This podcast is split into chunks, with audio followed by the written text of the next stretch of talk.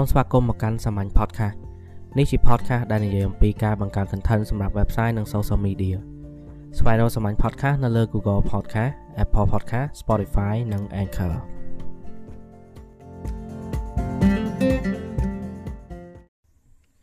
នៅក្នុងអេពីសូតនេះខ្ញុំនឹងលើកឡើងពីការប្រើប្រាស់ quote សម្រាប់ content គ្រប់ប្រភេទរបស់អ្នកទាំងអស់គ្នា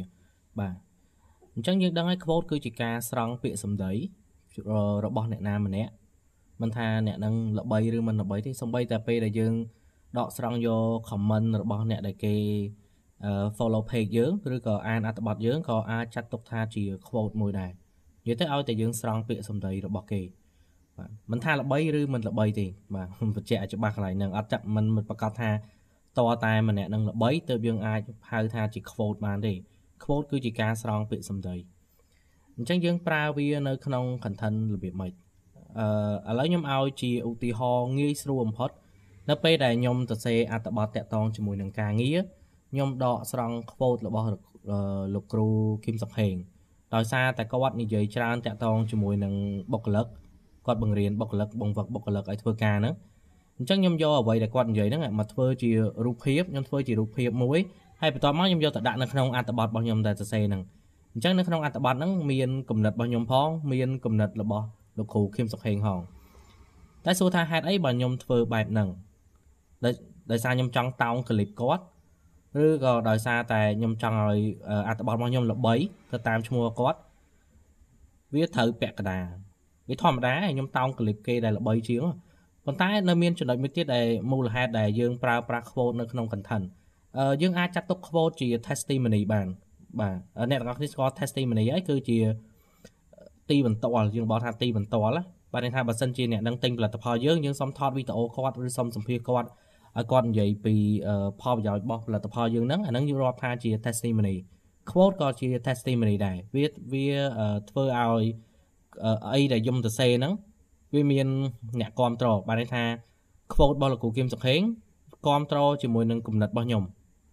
ទោះបីគាត់អត់មែនគ្រប់ត្រដោយផ្ទាល់ក៏ដោយគាត់គ្រប់ត្រដោយប្រយោល ប៉ុន្តែអា quote របស់គាត់ហ្នឹងគ្រប់ត្រឲ្យគំនិតរបស់ខ្ញុំការធ្វើបែបហ្នឹងវាធ្វើឲ្យ content របស់ខ្ញុំមានភាព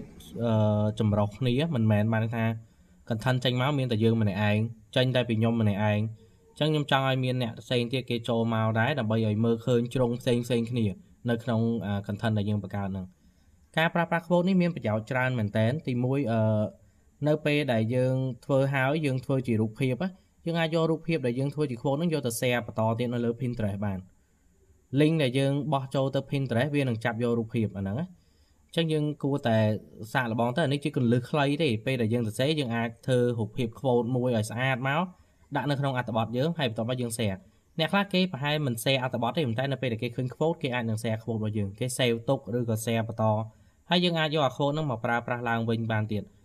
ខ្ញុំធ្លាប់ឃើញប្លុកនៅបរទេសគេធ្វើ quote មួយដូចគ្នាប៉ុន្តែគេធ្វើ3 4រូបនៅក្នុងអត្ថបទតែមួយហើយខ្ញុំគិតថាអាហ្នឹងប្រហែលជាគេទុកឲ្យអ្នកអានហ្នឹងជើរូបណាមួយដែលគេស្រឡាញ់ហើយ share ហើយប៉ុន្តែ quote ហ្នឹងគឺដូចគ្នាទេអញ្ចឹងចំណុចចុងក្រោយមួយទៀតដែលខ្ញុំចង់និយាយតាក់ទងជាមួយនឹង quote ដែរ complete ដាក់ប្រភពដើមផងអ្នកណាជាអ្នកនិយាយបើសិនជាយើងដកស្រង់ពីសភៅតើសភៅហ្នឹងគឺចំណងជើងអីអាចទិញបាននៅកន្លែងណាបើសិនជាយើងចិត្តល្អយើងអាចបោះ link ទៅហើយ គាត់និយាយនៅក្នុងនៅពេលណាឬក៏យើងជាអ្នកសម្ភារគាត់ឬអ្នកណាជាអ្នកសម្ភារគាត់យើងអាចឲ្យ credit ទៅគេកន្លែងហ្នឹងផងដើម្បីឲ្យវាច្បាស់លាស់វាធ្វើឲ្យ quote យើងហ្នឹងវាមាន credit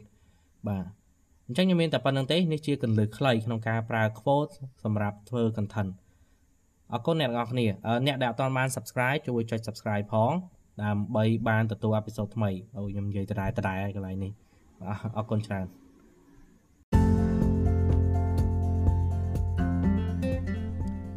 podcast នេះជាផ្នែកមួយនៃសាមញ្ញសេវាកម្មបង្កើត content សម្រាប់ website និង social media